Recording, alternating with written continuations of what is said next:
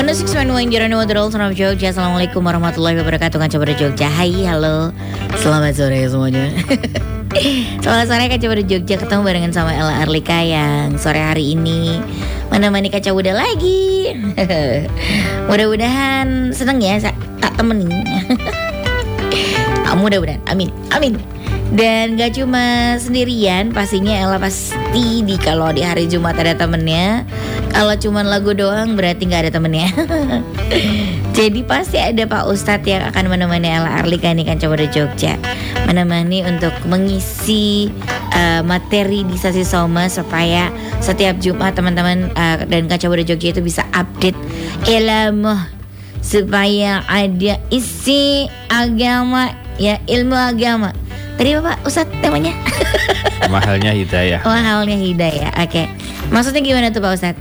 Ya mahal Karena nggak ada yang jual ya. Oke okay. ya, Sehingga berapapun duitmu Bisa nggak bisa beli Karena persoalannya nggak ada yang jual Jadi mahal tuh kalau nggak terbeli itu namanya mahal Selama masih ada nominalnya Dan ada yang untuk beli itu bisa Nah kenapa saya tertarik membahas ini Kancah muda mahalnya hidayah Itu karena Ada orang yang waktunya sama 24 jam bahkan mungkin pola hidupnya itu sama mirip.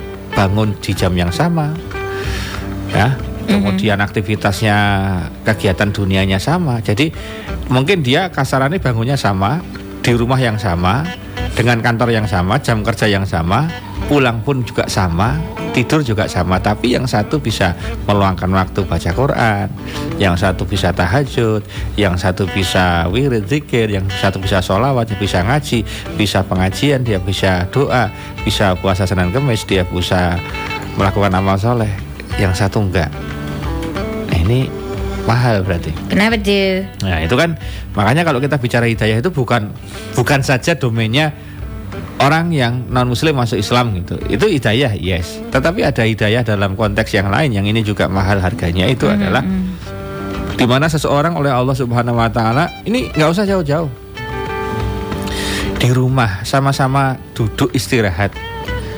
Sama-sama udah duduk di sofa yang nyaman mm-hmm. di sampingnya ada meja kemudian di samping meja ada rak Quran. Satu pegang HP bisa dua satu jam, yang satu ngaji bisa setengah jam atau satu jam juga. Ini kan sebetulnya pilihan, gitu. Nah, kenapa orang itu kemudian kok pilih ambil Quran dan dia baca? Sementara yang satu pilih scroll scroll handphone, handphone aja. Ya ini hidayah, masalah hidayah. Makanya kalau kita apa namanya uh, ingin dalam hidup ini uh, tidak rugi ya kita harus mulai introspeksi. Sebetulnya kita ini termasuk orang dapat hidayah atau enggak sih? Mm. kok selama ini sholatnya sering terlambat misalnya? Ini jangan-jangan aku ini jadi nggak dinginin sama Allah untuk sholat tepat waktu ini loh. Jadi jadi kalimatnya itu harus kita rubah lah. Kenapa ya? Kok aku sholatnya telat-telat? Jangan-jangan Allah nggak ngizinin aku sholat di awal waktu. Jadi nggak diundang kalau bahasanya. Bukan tamu spesial gitu kan. Makanya level ulama lah. Kalau ulama tingkat tinggi itu dia itu resahnya kapan lah? Resahnya itu kalau dia itu hidupnya landai. Itu dia resah. Kok belum ada ujian ya? Jadi dia itu khawatir kok belum ada ujian. Sementara kita khawatirnya kok dikasih ujian. ujian kan beda. Jadi para sufi, para alim ulama yang sudah tingkat tinggi ketauhidannya, keimanannya, itu justru mereka cemas, galau kalau dia nggak bermasalah, dia nggak diuji. Ini jangan-jangan gue ini dicuekin nih. Ini jangan-jangan gue nggak prioritas. Kenapa mereka bisa bilang, kenapa ujian itu belum datang? Dia tuh resah lah. Dia nunggu-nunggu saat diuji karena Allah sudah memberikan keterangan. Idza ah ahaba abadan Ketika Allah itu senang sama seorang hamba, Ibtala, maka akan diuji sama Allah. Jadi ciri Allah mencintai seorang hamba itu Allah akan uji. Oh, buktinya nabi-nabi kan diuji terus sama Allah kan. Ujiannya nggak berhenti berhenti sudah pernah kita bahas. Nah jadi jangan dianggap bahwa sebuah ujian dalam kehidupan itu adalah hukuman.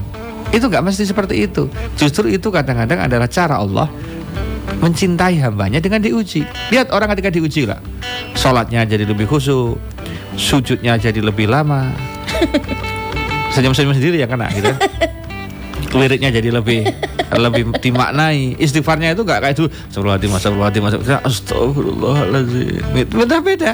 Istighfarnya aja, cara istighfarnya aja beda. Allah, Akbar salatnya udah ada beda gitu kan. Makanya lihat, semakin dipepet, semakin kecemasan dihadirkan, itu kan semakin dia mepet sama Allah. Hafiru ilallah kalau kemarin kita bahas. Merapatlah kepada Allah. Nah, itu ya. Oke, kembali ke konteks tadi. Mari kita lihat dalam dalam pagi hari sekarang. Kita bongkar di segmen satu ini kapan sih kita nggak dapat hidayah? Nomor satu, kita nggak pernah bisa sholat subuh di awal waktu atau tepat waktu. Itu kita nggak dapat hidayah berarti. Jadi, mohon maaf ya, ini agak ekstrim. Jadi kita nggak nggak nggak lagi bicara yang aneh-aneh, tapi dari sholat subuh itu indikator. Posisi kita di mata Allah itu dilihat dari sholat subuhnya. Kalau sholat subuh kita itu bisa sebelum adzan udah bangun atau adzan terus bangun terus sholat, insya Allah itu selamat. Tapi kalau kita kemudian sudah terbiasa subuh itu setengah lima, kemudian kamu subuh jam setengah enam, bahkan sebagian jam enam kurang seperempat, bahkan sebagian jam enam sambil ditutup kordennya biar nggak ketahuan tetangganya. Nah, Ini sebetulnya adalah sesuatu yang kemudian kecelakaan itu, kemalangan. Hati-hati. Berarti ini hidayah sudah mulai menjauh. Kamu sholat subuh telat merasa biasa. Ini sudah hidayah menjauh. Gak usah jauh-jauh lah. Kita masuk kantor, kita terlambat, kita akan menundukkan kepala kan. Paling nggak kita ada sedikit malu, kemudian kita ya udahlah apa namanya eh, menjadi agak nggak enak lah. Apalagi di situ ada pengawasnya tuh kepalanya di depan atau sedang tahu kalau kita terlambat, iya kan? Mhm. Pasti kita merasa nggak enak. Ketika kita satu kali nggak enak, dia akan apa yang, yang terjadi? Introspeksi kan? Wah kalau gitu besok gue harus bangun lebih bagus pagi nih, pakai jam bekernya di setel dan sebagainya. Ya, perkara kemudian suatu saat terlambat lagi, tetapi kemudian nggak sering, itu berarti manusiawi. Namanya orang, kadang pakai capek, kadang pakai kegiatan, kemudian baru jam menjelang subuh baru sampai rumah, kemudian habis subuh tertidur kemba- tertidur, kemudian ada yang bangunin, kemudian kesiangan. Oke lah, itu namanya darurat. Kalau bahasanya agama kan begitu. Tapi kalau rutin, subuh jam 6 terus berangkat kerja, masuknya setengah 8, dia jam 10 terus. Kira-kira gimana? Ya pastilah akan dipanggil sama kepalanya, akan diberikan penjelasan, diklarifikasi, diberi peringatan, lisan. Besok diulang lagi dikasih SP1, besok ulangan SP2, SP3 sampai pemecatan. Nah, tahu nggak? Allah dalam konteks seperti melihat hamba-hambanya yang terlambat seperti itu, itu Allah sedang memalingkan, sedang mencabut hidayahnya pelan-pelan. Ini bahaya. Makanya kita coba lihat pagi hari kita. Pagi hari kita itu sangat menentukan siapa diri kita. Makanya kita sering bilang banguno sholat atau tidur nggak apa-apa. Itu lebih bagus kan ngantuk kan? Oke lah sholat ditahan-tahanin habis itu tidur nggak apa-apa. Kalau memang kamu bukan pekerja kantor, kamu nggak harus sekolah, nggak harus kuliah, kamu pekerja swasta yang bisa sampai kantor jam berapa aja. Oke, gunakan itu justru untuk kamu subuh awal terus tidur lagi monggo. Syukur malah tahajud dari jam 3 nggak usah tidur, habis itu tidur molor terus sampai dengan jam 9 kamu baru kemudian bangun, kemudian mandi-mandi sampai kantor jam 11 12 ya monggo, wong kantornya punyamu. Nah, Misalnya begitu kan, Ya. karena kantornya punyamu silahkan. Tapi kan pagi harinya itu tolong, karena pagi hari itu tentukan segala-galanya. Maka kalau kita mau cek hidayah itu nyampe ke kita atau enggak, lihat ketika pagi hari itu kita memposisikan subuh itu kayak apa. Karena subuh itu sholat yang disajikan malaikat. Yang disajikan malaikat itu sholat subuh. Malaikat betul-betul atensi, banyak yang lihat, sehingga sampai dikatakan ekstrim. Kenapa subuh itu berat? Karena subuh itu undangan pilihan. Dan kenapa subuh itu doanya mustajab dan itu enak? Karena di situ nggak ada nafas orang munafik, katanya begitu. Nggak ada orang munafik di sana. Karena orang munafik itu nggak bakalan datang sholat subuh dan sholat isya. Itu dua sholat itu dia akan ngumpet. Karena di waktu dulu orang subuh, ketika subuh itu gelap. Makanya ketika dia datang ke tempat subuh, sholat subuh itu gelap, dia nggak mau karena nggak ada orang tahu. Tapi kalau pas keadaannya tidak gelap, dia datangnya dengan semangat. Kenapa? Orang pada tahu dia mau ke masjid. gitu. Ngelihat. Ya sekarang konteks itu nggak bisa berlaku sebetulnya. Tetapi bahwa kemudian di situ kaum munafik itu susah sholat subuh dan sholat sholat isya, Yes. Makanya hati-hati dengan dua sholat itu subuh sama isya. Sebagian ulama-ulama mengatakan kalau kamu bisa tidur sebelum sholat isya ditegakkan, kamu termasuk orang-orang seperti orang Yahudi. Jangan pernah tidur sebelum sholat isya. Mhm. Makanya kemudian diupayakan saat ngantung atau sholat sholat isya dulu baru tidur. Itu, itu seperti itu. Nah ini kan kita seringnya isya itu kan agak lama tidur dulu ah nanti bangun. Nah faktanya faktanya sering kejadian itu bangunnya itu bukan tengah malam tengah malam agak mending jam 12 gitu. Enggak kadang-kadang bangunnya udah mau subuh sehingga kamu hanya sholat isya aja tergesa-gesa habis itu udah subuh. Nah lewat banget kan? Pada sepertiga malam terakhir itu istilahnya itu prasmanan bos. Doanya prasmanan minta sendiri. Mau istilahnya itu mau lauk apa aja masih komplit. Bisa ya, masih. masih komplit. Prasmanan. Prasmanan datang awal lagi. iya itu kan luar biasa. Oke ya jadi Ya, ya. kita cek di pagi hari kita. Oke, setelah itu yang kedua, eh, kita cek dalam keadaan dari habis subuh sampai dengan kita sore. Kan kita situasi kerja nih, situasi kerja kan. Nah di situ itu ada nggak sih sejenak ingat Allah? Mungkin dengan duha, mungkin dengan duhur, mungkin dengan tambah wirid, dikir, ada doa-doa di situ. Jadi kamu ketika di di di di, di, di siang hari ada nggak caranya ngingetin nginget Allah bukan ngingetin Allah ya. Maksudnya ingat sama Allah itu ada nggak? Porsi itu ada nggak? Ya. Makanya di kantor itu ada orang yang kadang bawa Quran. Ya pas dia agak sedikit nunggu dia baca. Kira-kira kerjaannya di break sebentar dia baca. Ya kan? Ada yang seperti itu. Atau dia kemudian ke musola ke masjidnya baca sedikit kemudian balik lagi ke kerjaannya. Jadi ada nggak dari dari dari pagi sampai dengan sore itu paling nggak ada porsi paling tidak sholat duhurnya itu diupayakan jamaah misalnya. Diupayakan baca beberapa wirid. Diupayakan kemudian membuat situasinya itu sholat duhur itu bukan sebuah hal yang yang sampingan. Kan kita sering kalau isoma istirahat sholat dan makan. Jangan sampai kita dominan istirahat dan so- dan makannya. Sholatnya nggak dominan itu jangan sampai. Mhm. kan kita sering. Ini pengalaman pribadi yang kita harus hati-hati kita boleh kok. Siang hari eh, kita mau kulineran di kantor karena mungkin jam jam istirahat ya. Ayo kita makan di mana soto di mana. Oke gue tidak masalah. Cuma upayakan kita sudah sholat dulu. Gitu kan? Ini ini penting. Jadi dalam situasinya duhur kamu lebih bagus makan dulu kemudian duhurnya jam setengah duaan. Jadi makannya bisa tepat jam 12 ketika istirahat. Tapi duhurnya jam setengah dua. Itu hati-hati. Hidayah sudah mulai menjauh tapi kalau kita paksa, alah nggak mati, wong kita puasa aja kadang dari subuh sampai dengan maghrib kuat, masa ini cuma sebentar aja nggak kuat, sholat dulu, sholat ya. Dia paksain sholat walaupun bacanya dipendekin, ina kulhu nas falak, ina kulhu falak. Nah supaya empat rakaat itu nggak ada qobliyah, nggak ada badiah, dia cuma pendek. Tapi apa? Dia prioritaskan dulu sholatnya baru makannya. Mhm. Apa itu artinya? Allah duluan baru yang lain. Itu berarti insya Allah kamu dapat hidayah. Apalagi kalau kemudian maksain harus dijamaah di masjid, harus pakai qobliyah, harus pakai badiah, harus pakai wirid sebentar, harus pakai doa, baru makan, keren. Kalau kita kemudian makan doang, sholatnya setengah dua, jam dua, sendirian, cepat banget, dan menganggap itu seperti sesuatu yang malah membebani, Mhm. tanya hati kita, kita ini sedang dapat hidayah atau sedang dicabut hidayahnya? Tuh. Sore bahaya ini. Paling bahaya itu waktu sore kanca muda. Asar. Sholat asar tuh sholat yang tolong jangan diremehkan. Ya. Karena sholat asar itu sholat yang paling diremehkan. Lihat ritme kerja kita.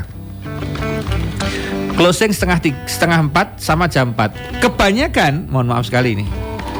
Ini pun saya paksa ya kita harus berani. Kebanyakan lihat sore kita itu. Sebagian orang bisa memaksakan sebelum dia pulang dia udah sholat asar dulu di masjidnya. Di musolanya kantor di masjidnya dekat kantor musolanya dekat kantor atau di kantornya kalau dia ada musola masjid. Rata-rata kan mesti punya. Atau tempat sholatnya dia di ruangan. Nah pokoknya sholat dulu. Jadi begitu adzan dia sholat apalagi bisa jamaah setelah itu baru dia pulang. Karena kan sekarang asar tuh mendekati setengah empat loh. Jadi jam 3 lebih dikit lah Jadi kalau kita kemudian asar dulu nanti habis asar itu pas kemudian waktu pulang. Sebagian bisa menikmati adanya, adanya di didiemin, dia dia santai ngobrol apa mungkin scroll scroll, kemudian dia waduh capek ngantuk. Nanti di rumah aja lah. Aku sholatnya di rumah aja kan masih nyanda, masih nyanda. Kalimat masih nyanda ini kan sering kita dengar. Saya sering dengar itu masih nyanda. Akhirnya apa? Akhirnya dia kemudian udah kecapean kan bayangan dia aku akan lebih kusuk kalau aku sampai rumah mandi dulu. Seger pakai wangi-wangian aku pakai baju yang bagus aku kemudian pakai sajadah kemudian biar aku nanti sholatnya tenang wiridku bisa panjang syukur tak tambah ngaji. Rencananya. Faktanya begitu mandi kok lir-lir sebentar eh ya 5 menit lah wes Bablas angin ini. Bablas angin ini. Dan itulah yang paling bahaya. Dijemput teman. Makanya saya sering kalau orang jemput pengajian sore, saya putusin. Saya bisa ngasar dulu atau ngasar di lokasi.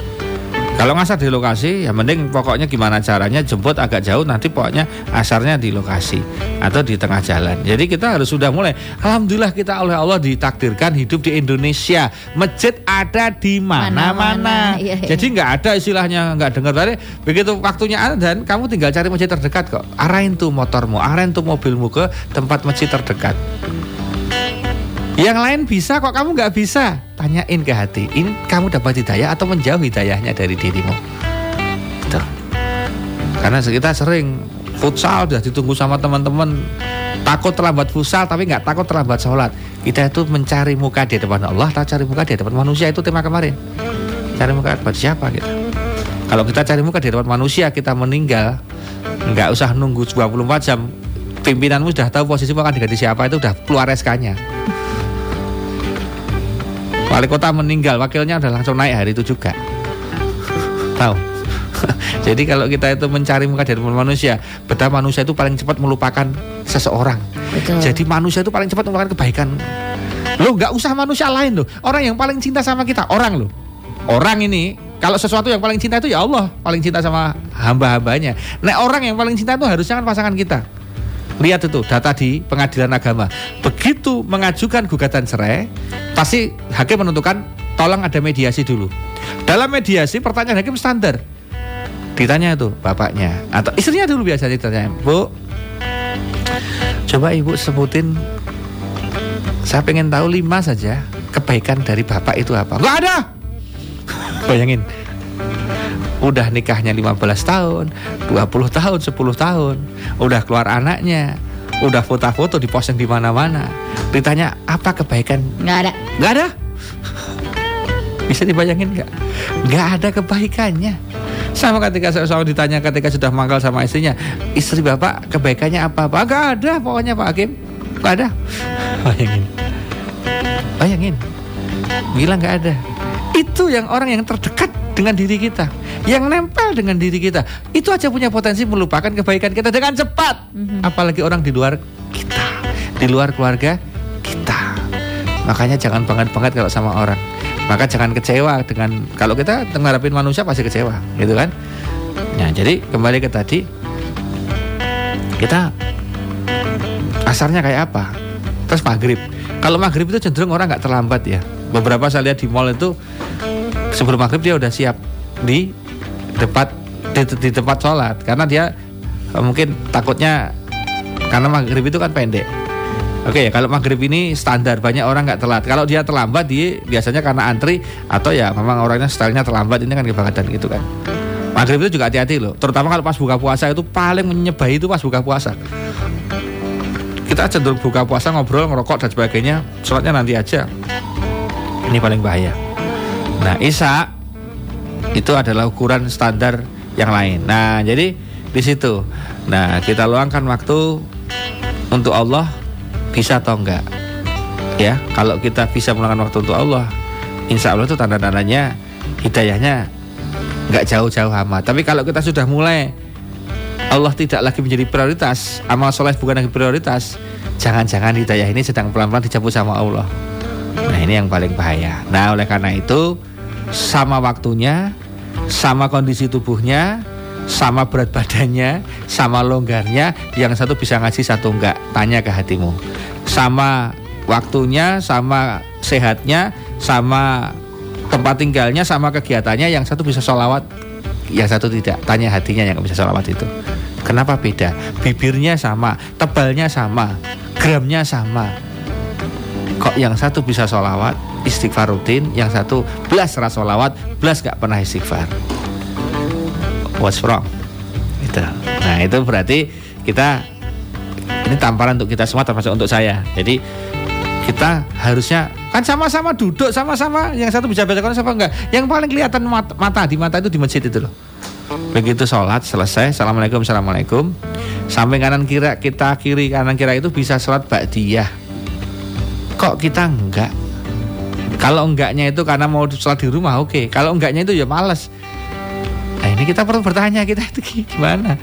Udah sampai situ enggak sekalian. Nang enggak amat ya sama ketika besok elak bersama Sasi Soma akan berangkat umroh misalnya. Amin Masya dengan jamaah Sasi Soma bersama umroh nanti misalnya. Amin sampai sana. Nggak ada istilah anu lah. Kesel ya. Sampai sudah sampai sana bos pokoknya hajar. Nggak pakai capek-capekan capek nanti pijet di Jogja. Molor di Jogja di sana hajar. Sudah sampai sana ya bos. Terus sholatnya di kamar hotel aja. Aduh bos. Udah sampai sana ya. Gitu. Amin. Itu nggak boleh. Besok ya kalau jangan jamaah saja semua didoain tuh yang lain bisa berangkat lah. Amin amin. Ya Allah kapan? Ya masya Allah. Ya ntar lagi insya Allah. Ntar lagi ya, ya. Bismillahirrahmanirrahim. Umroh bersama jamaah Sasi Soma amin. Amin amin. Amin masya Allah. Oke. Okay. uh, amin. Ya Allah.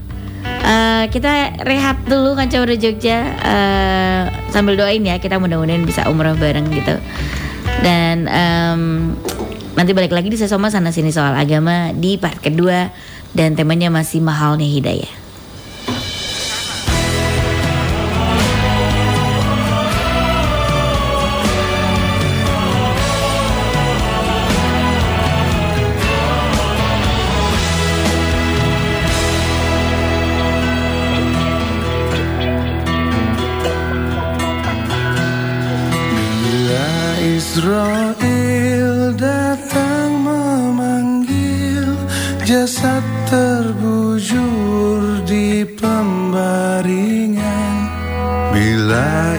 Israel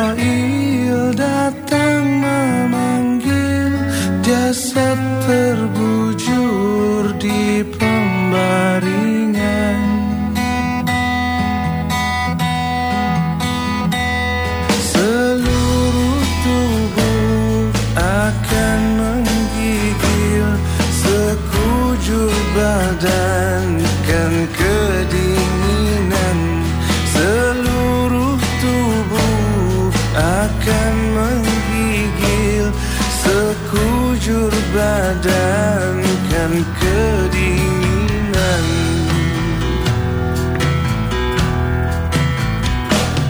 Tak ada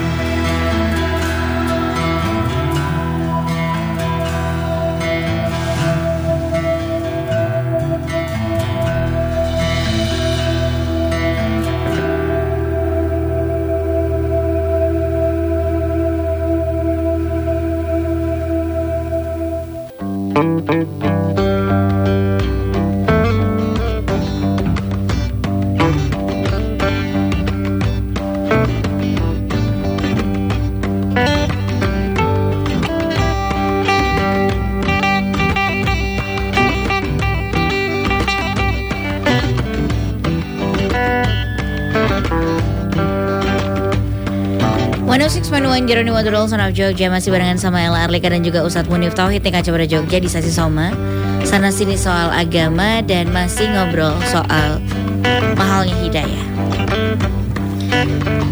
Jadi indikasi hidayah itu bisa kamu lihat dari bangun pagi sampai dengan tidur kan cuma udah kata Pak Ustadz sih begitu ya. Kalau kamu tuh suruh ibadah jangan ngatangot atau ngatangot gitu ya. Sip, Agus. Cabut kata hidayah. Jadi terus gimana caranya supaya eh, kita tuh tidak begitu Pak Ustadz atau ya sio nggak tangot itu ya Hmm, ya jadi mau gini, jalan kalau- ibadah dan kalau- enggak gitu tuh Ya. hilang gitu. Paham saya. Jadi gini, eh, kan ada yang istilahnya gini. Mohon maaf ya, tahajud itu adalah undangan dari Allah. Kalau nggak diundang dia nggak dat. Dia kalau nggak diundang berarti nggak diinginin. Kan gitu, kalau cara cara kasarnya gini kan, Mas Mas D ngundang ngundang siapa-siapa tapi nggak ngundang saya nih. Sama kan? Allah mengundang hamba-hambanya khusus untuk tahajud. Berarti kan yang datang yang diundang kan, yang yang dia datang kan Allah inginin gitu kan. Nah pertanyaannya, apakah Allah nggak nginginin, nginginin yang lain? Sebetulnya nginginin gitu lah. Sama nginginin. Wah, Allah itu nggak mungkin kan? Allah itu maha baik, nggak mungkin. Kamu ya, kamu nggak usah. Oh ya nggak gitu kan? Semuanya hambanya itu kalau bisa masuk surga. Tapi kan ketempelan maksiat, ketempelan ini, ketempelan ini, akhirnya dia nggak diundang sama Allah. Atau undangannya nggak sampai lah. Kalau bahasa saya itu undangan Allah nggak sampai ke dia. Hmm. Nah caranya gimana? Kita cari info caranya. Mas D itu ada acara apa sih? Oh D ada acara sunatan anaknya. Saya nggak diundang, tapi saya tetap datang ke rumahnya misalnya. Kira-kira gimana? Diusir nggak? Ya enggak kan? Enggak. Enggak kan? Enggak akan diusir. Kalau kita apalagi sesuai SOP. Maksudnya sesuai SOP gimana ya? Pakainya bagus, ya bawa amplop, dikasihkan kado, itu kan SOP. Sama kan? Jadi ketika Anda merasa tidak diundang sama Allah, datang aja, nggak apa-apa, datang aja. Yang mungkin ya, cari info. Infonya info apa? Cari info itu artinya apa? Cari khasiat, fadilah, amal-amal itu apa? Apa pahalanya sholat subuh di awal waktu?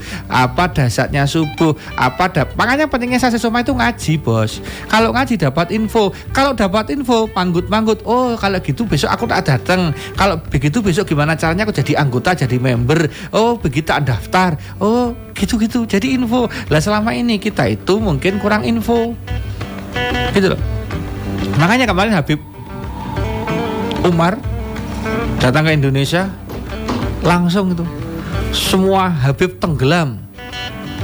Begitu Habib Umar datang semua Habib se Indonesia itu pengen cium tangannya semua. Jadi langsung hilang semua namanya nggak ada.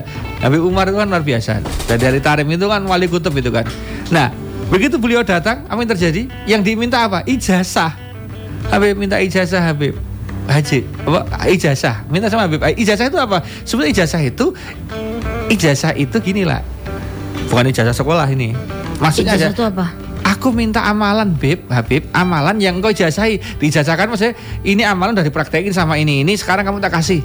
Sehingga kalau istilahnya di pondok pesantren ada dikasih ijazah kemudian kobil tu. Artinya aku terima ijazahnya dan diamalin. Jadi ijazah itu kayak dikasih bocoran amal yang ini kalau kamu kerjain khasiatnya istimewa gitu loh. Jadi level level orang-orang khusus itu malah dia itu cari, mencari. Jadi hidayah itu dicari lewat cari info dari hadis, dari Quran, dari kajian, dari pengajian, dari dialog, dari diskusi, dari kamu kepo terhadap agama. Saja Soma ini salah satunya agar kamu kepo pada agama. Kalau kamu udah kepo, oh tahajud tuh gitu toh Tat. Oh duha itu gitu toh. Oh gini gini. Sehingga kamu harus tertarik menjadi semangat gitu kan. Lah lihat le- level-level orang-orang itu kan minta minta ijazah. Kemarin misalnya dikasih ijazah sama Habib Abu Bakar, eh, Habib Umar maksud saya. Jangan sampai dalam satu hari nggak baca la ilaha illallah al malikul hakul mubin 100 kali. Kemudian ditutup setelah itu sama Muhammad Rasulullah wa Abdul Qadir Amin gitu kan. Itu apa namanya? Kalau kamu kerjain, kamu hilang dari kefakiran. Jadi kamu akan dihindarkan dari kefakiran dan kamu akan kalau meninggal husnul khotimah. Itu. Itu kan luar biasa. Kalau kita lihat dari dari dari amalan yang kemarin disampaikan sama ijazahnya kan macam-macam ada yang membaca ini membaca itu kan gitu kan. La ilallah al malikul hakul mubin 100 kali. Gitu kan? Nah, itu kan luar biasa. Itu contoh seperti itu. Sederhana. Terus diamalin. Yang penting itu ta- tahu info terus dikerjain. Oh ada info pendaftaran CPNS, terus dia ngerjain, masuk websitenya, posting, kirim-kirim, upload apa yang diinginkan, kemudian ikut follow, follow, follow, follow, akhirnya apa? Diterima, gitu kan? Paham ya lah ya. Nah jadi gimana cara dapat hidayah? Dikejar, dicari, di searching, apalagi bahasanya. Diusahakan. Iya diusahakan. Kalau bahasanya anak sekarang itu ya tak cari tak searching dulu tak googling dulu. Sekarang sudah banyak mesin yang lain juga. Ya itu. Jadi itu kalau kita mau dapat hidayah kita harus mencari lah harus harus harus do something harus berbuat sesuatu. Nah kita akan terperangah kalau kita tahu infonya tahu ilmunya. Nah info itu penting. Sekarang itu kan yang mahal info lah orang nggak tahu kan barang siapa yang kalau keluar rumah Sebelum keluar rumah dia membaca Bismillahirrahmanirrahim ada setan kemudian bilang sama temannya eh, itu jangan di jangan digoda. Wah kita nggak bisa goda itu. Dia udah tawakal sama Tuhan nih. Udah udah udah, udah. jadi begitu orang itu jalan sebelum keluar rumah udah bilang Bismillahirrahmanirrahim itu luar biasa. Kemudian ada nambahin lagi amalan. Misalnya baca ayat kursi sebelum keluar rumah terus baca ayat kursi. Masuk rumah misalnya begitu kan? Itu kan ada ilmunya ternyata. Masuk rumah kalau rumahnya kosong assalamualaikum baca sholawat tiga kali. Dua baca ayat kursi. Kalau enggak ya salam kemudian fatihah anas kulhu komplit kemudian ayat kursi Kenapa itu dilakukan? Nanti insya Allah kemiskinan nggak akan masuk ke rumahmu, kefakiran nggak akan masuk ke rumahmu. Ada lagi ijazah yang lain, misalnya membaca la haula wala quwata illa billahil azim 100 kali, sehari 100 kali saja ditambah ya latifu ya latifu 129 kali itu akan membuat engkau nggak pernah namanya kefakiran engkau nggak pernah ditempa kemiskinan. Itu ijazah dari ilmu ulama udah turun temurun itu sabda Rasulullah. Jadi ijazah itu gini lah. Sabdanya Rasulullah lah dipegang sama alim ulama dipraktekin dia buktiin kemudian direkomendasikan. Nah ijazah itu rekomendasi. Ini tak rekomendasiin mas Day amalin ini gitu kan. Makanya kalau ketemu alim ulama itu pada minta ijazah lah. Karena begitu di ijazah itu kayak resmi. Ini resmi loh tak lisensikan loh. Praktekin aku udah praktek. Nah sehingga turun temurun tuh nyambung. Itu hal yang kemudian dari ilmu itu aneh ada ada infonya nah kalau kita pengen dapat hidayah maka kita harus cari info misalnya ada orang bertanya kepada ah, Nabi gitu kan ya Nabi bagaimana caranya melihat wajah Allah bisa nggak aku melihat wajahnya Allah Kamu pengen lihat wajahnya Allah. Kalau wajahnya Allah, gambarannya susah. Karena Allah itu maha segala-galanya. Bahkan Nabi Musa sendiri pengen lihat wajahnya Allah langsung dikasih tahu. Ya Allah, aku itu bisa komunikasi sama engkau, tapi aku pengen lihat wajahmu. Coba kamu lihat gunung. Debuer, gunungnya pecah. Loh kok pecah? Ya karena gunung itu nggak bisa apa nggak nggak kuat lihat cahayaku. Langsung semaput nangis itu Nabi Musa. Tapi kemudian dikasih tahu kalau engkau pengen li- lihat Allah tersenyum bisa, tapi kalau engkau lihat wajah Allah itu belum bisa karena kita belum di surga, belum di akhirat. Kalau kita mau lihat Allah senyum bisa. Caranya gimana? Bikin senyum ibumu, Allah akan senyum. Loh, keren toh? Dari situ. Itu kan luar biasa. Nah, ini ilmu sehingga orang gimana bikin Allah tersenyum ya? Oh, berarti berbakti pada ibunya. Itu seperti itu misalnya. Nah kan gitu. Terus ada nih dalam hadis dikatakan gembiranya Allah. Lah, Allah itu bisa gembira lah. Bahagianya Allah Mhm. kapan? Ketika melihat hambanya yang penuh dosa bertobat lah. Allah melihat hambanya yang bertobat itu lebih gembira daripada gembiranya seorang ibu yang habis melahirkan anaknya. Bisa dibayangin nggak? Seorang ibu ngelahirin sakit, begitu tahu anaknya lahir dan selamat, langsung hilang sakitnya bahagianya memuncak nangis dia lihat anaknya yang lahir itu bahagianya Allah itu lebih bahagia daripada ibu yang baru aja ngelahirin anaknya dengan selamat. Lagi bahagianya Allah lihat hambanya yang bertobat itu seperti bahagianya orang bawa onta di padang pasir ontanya hilang dia tengar-tengar nangis tiba-tiba ontanya datang bahagianya itu lebih bahagia daripada orang seperti itu. Kamu bisa bayangin nggak? Kamu di padang pasir nggak punya bekal, bekalmu ada di onta semua, ontanya hilang, celing. Balik lagi dia tiba-tiba. Dia nangis ya lihat sana kemari jauh. Dia mau jalan takutnya kalau jalan ke sana ya nggak ketemu ontanya. Kalau ontanya di sana gimana? Ontanya kamu jalan ke selatan, ontanya di utara gimana? Kamu nggak tahu arah. Di saat kamu seperti itu tiba-tiba ontanya datang. Wah, jangan dikira senangnya kayak apa.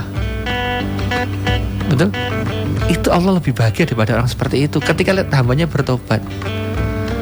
Dan Allah paling suka melihat rengek-rengekan dari hambanya. Ya Allah ya Rob, ya Allah ya Rob. Maka kapan Allah ingin ketemu hambanya? Kapan Allah ingin ketemu hambanya? Ketika hambanya dikasih masalah, itu Allah berarti ingin sedang ngobrol sama hambanya. Maka ditarik itu hambanya. Maka jangan kaget ketika kamu dipepet sama Allah dalam masalah anggaran, duitmu ngepres, kamu dihina sama pasanganmu karena kamu nggak punya punya duit misalnya. Kok iki wong lanang ngopo, Mas? Duit ra tau duwe gablek. Bayangin, kalau laki-laki digituin kira-kira gimana? Wah, itu kan dua pilihan. Kalau laki-lakinya beriman, dia nangis sama Allah ya Allah. Apa kau tega? Aku dihina sama istriku ya Allah. Bukankah Arijalu kamu lanisa? Laki-laki adalah dua kali perempuan. Laki-laki itu lebih kuat daripada perempuan. Tunjukkan kehebatanmu ya Allah. Izinkan aku punya duit yang banyak sehingga istriku taat kepadaku.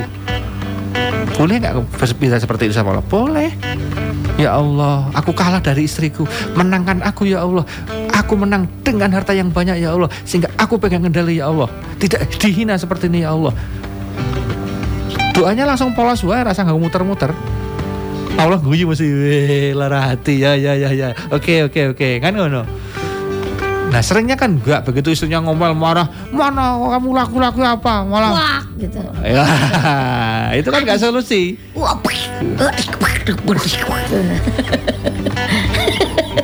istri itu mau ngomel seribu kali nggak karu-karuan diemin aja.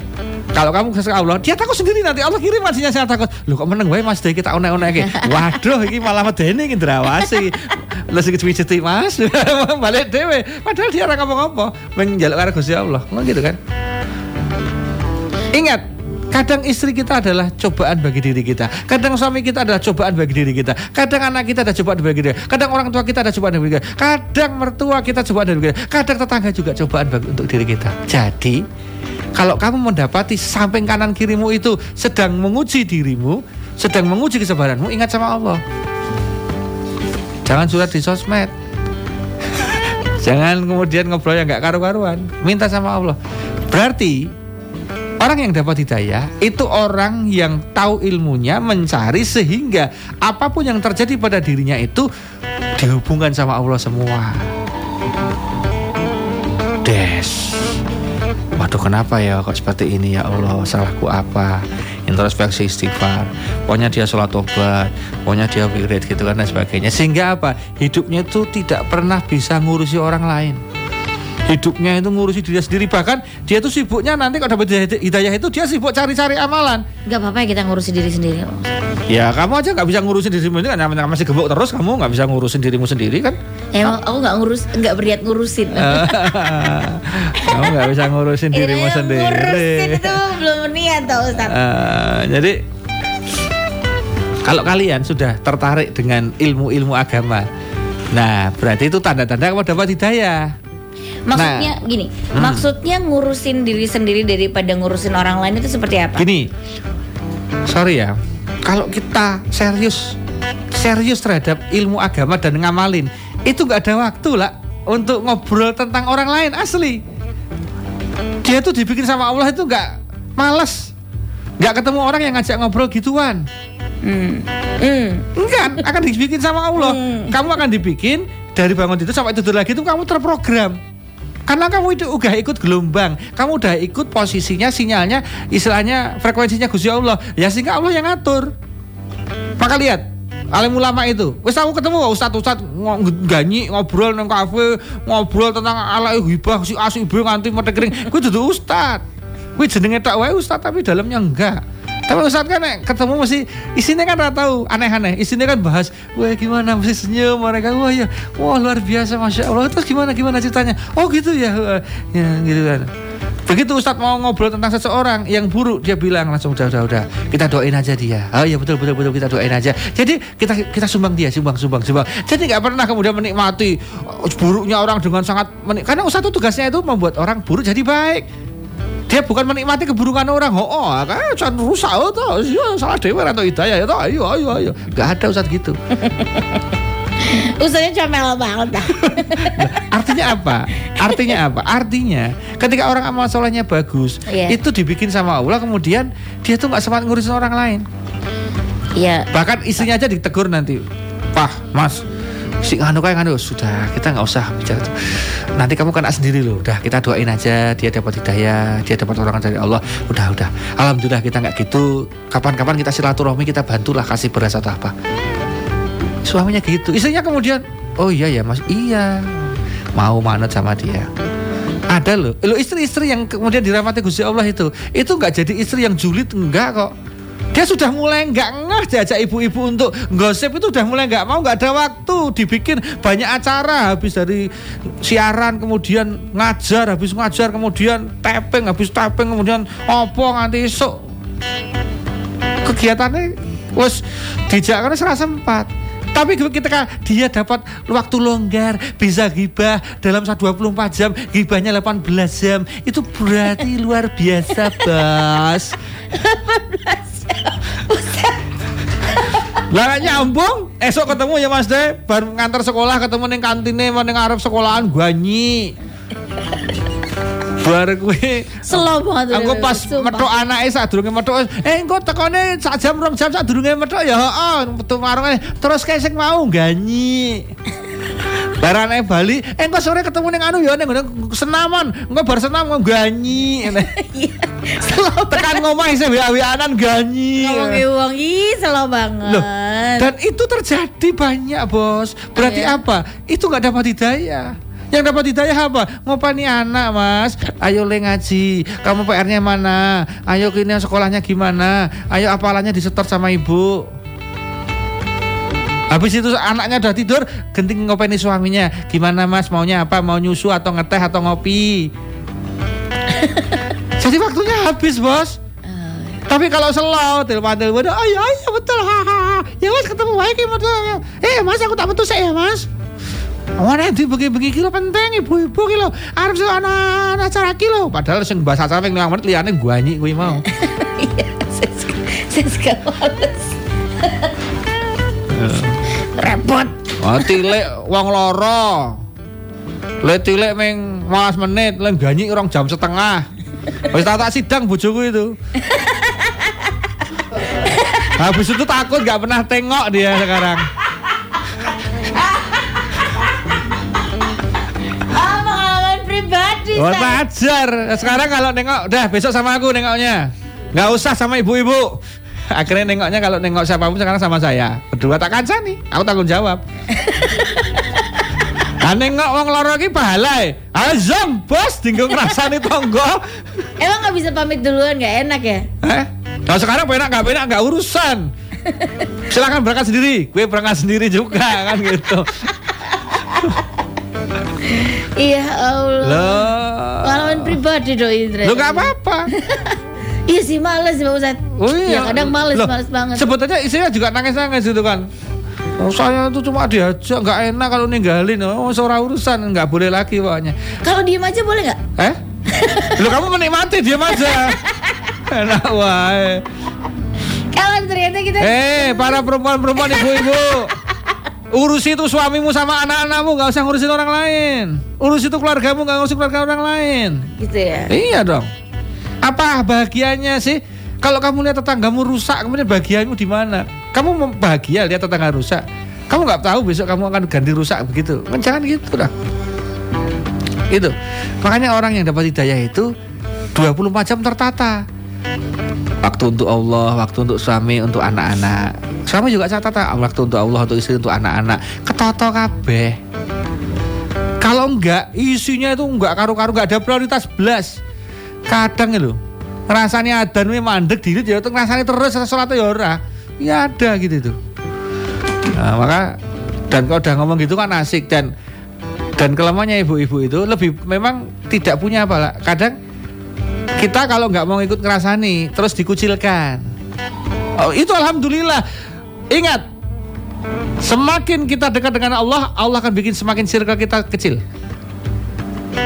Karena kalau kita banyak circle, kita banyak berpura-pura, kita banyak membagian orang, itu malah salah. Justru semakin tua circle makin di- dikit itu bagus. Jangan perbanyak teman.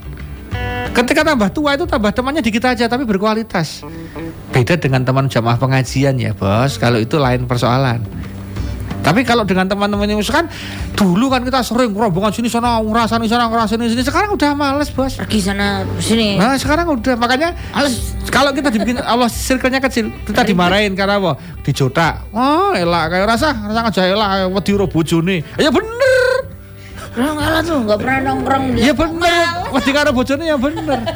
Pas rasa dijak kok bojone ngamuk lho. Oh ya bener. Sama bojoku kudune ning omah kok. Layani kok malah tok jak lunga-lunga. Bojomu ora ngamuk mah tak takoke bojomu ora ngamuk ngopo? Ya aneh kan? Iya iya iya. Apalagi anaknya masih kecil. Ibunya menikmati. Kalau anaknya udah pada besar, udah main sendiri, ibunya terus nongkrong itu masih bisa dimaklumi. Anaknya cilik-cilik neng omah lho. Jobo ning ketipris ning jobo karo koncone nganti rong jam setengah. itu sebetulnya saya emosinya kan saya hanya memahami aja. Artinya saya menahan diri. Saya tahu, saya nanti murahnya di rumah saja. Karena aku metu kemudian balik kowe ngono nak yo geger sak kampung itu. Satu ekstrim. Tadi mau tak gituin kan gitu kan. Biar untuk untuk yang lain juga pada tahu, ki bojo-bojomu dong apa kan nongkrong ning kono. Misalnya seperti itu kan. Tapi kan nggak begitu kan. Oh, nanti enggak saya memikir suasana jadi nggak enak ya biarkan istri saya yang terdesak saja jangan orang lain. Nah sehingga sekarang udah tahu. Sekarang sudah nggak pernah diajak. Oh, nggak usah dia masih berangkat sendiri ya nggak apa-apa. Yuk ngopo? kan gitu kan nggak nggak ada masalah ya kompak ya kompak kompak api eh aja kompak elek eh kan Iya, gitu iya. makanya tolong ibu-ibu dibiasakan sharingnya adalah sharing kebaikan-kebaikan eh yuk kapan kita ngumpul ke tupperware adewe sing wis ra kanggo disumbangke kaos-kaos kemudian mukena mukena Aku hijab-hijab nggak temenan sama ibu-ibu itu gak mau. Ah. Ayo kapan? Kita kita kan terlalu banyak atau sekolah kita belum nikah. eh? Oh enak lo lak plong lo oh ayo kita nanti sambil pengajian sharing-sharing gitu. Orang kamu menikmati kayak piye wingi kayak atau atau iya. Itu luar biasa. Iya iya iya. Gitu, iya, eh, berarti jadi kalau kita mau dapat hidayah carilah circle yang baik juga gitu berarti. ya otomatis nggak usah itu ya. banyak banyak circle-nya circle-nya itu dikit aja tapi berkualitas tapi ini bukan berarti kita kemudian mau jadi orang yang wah gaya enggak enggak kita itu diajak ngobrol ya boleh tetapi sewajarnya ingat jangan pernah menikmati kesusahan orang catat itu Kalau ada orang saat ini hina karena sesuatu hal, itu saat ini aja. Ingat, skornya masih sementara. Skor akhir dinilai ketika dia nanti meninggal dunia. Kita belum pernah tahu finish kita kayak apa, bos. Kamu lihat orang tanpa alim, tapi finishnya nanti rusak, meninggal di panti pijat, plus. Nggak usah banyak bicara, ya suul khotimah. Meninggal ketika tempat karaokean, baru nyawer meninggal, ya itu aslinya. Oke? Oke. Kelihatan orangnya nggak pernah sholat, nggak pernah kelihatannya nggak pernah karena kamu nggak nggak di depan matamu dia melakukannya. Dia sembunyi betul, dia sangat menjaga. Meninggalnya aja dari Jumat habis Jumatan misalnya. Kamu nggak bisa komentar banyak, berarti dia punya amal yang disembunyikan. Ya. Tuh. Jadi ingat, skor kita masih sementara. Belum peluit panjang dari Israel. Tit, gitu. jangan dulu. Deg-degan lo ini. Lo lah ya toh. Lu siap banget lo ini. Oke, terima kasih Pak Ustadz. Ya. Jadi hari ini eh, Ya, hari ini saya sempat di sini, hari kapan saya sempat di Mekah, Madinah. Amin, Masya Allah, ya Allah. Kita bisa live dari sana pakai YouTube ya. Oh bisa lah, penting ada gawe wifi kono, kah lah. Enggak gue wifi kono. Gawe wifi kono, Jawa wifi deh kono. Takon password deh. Please password please. Oke. Oke, terima kasih Pak Ustadz. Kita Ya. ketemu lagi minggu depan di saya Soma sana sini soal agama jam 4 sore mudah-mudahan selalu ada yang bisa uh, uh, ilmu yang bermanfaat buat kaca muda Jogja setiap Jumat sore. Terima kasih. Assalamualaikum warahmatullahi wabarakatuh. Love Jogja NUN. Bye bye. Dadah. Love Jogja.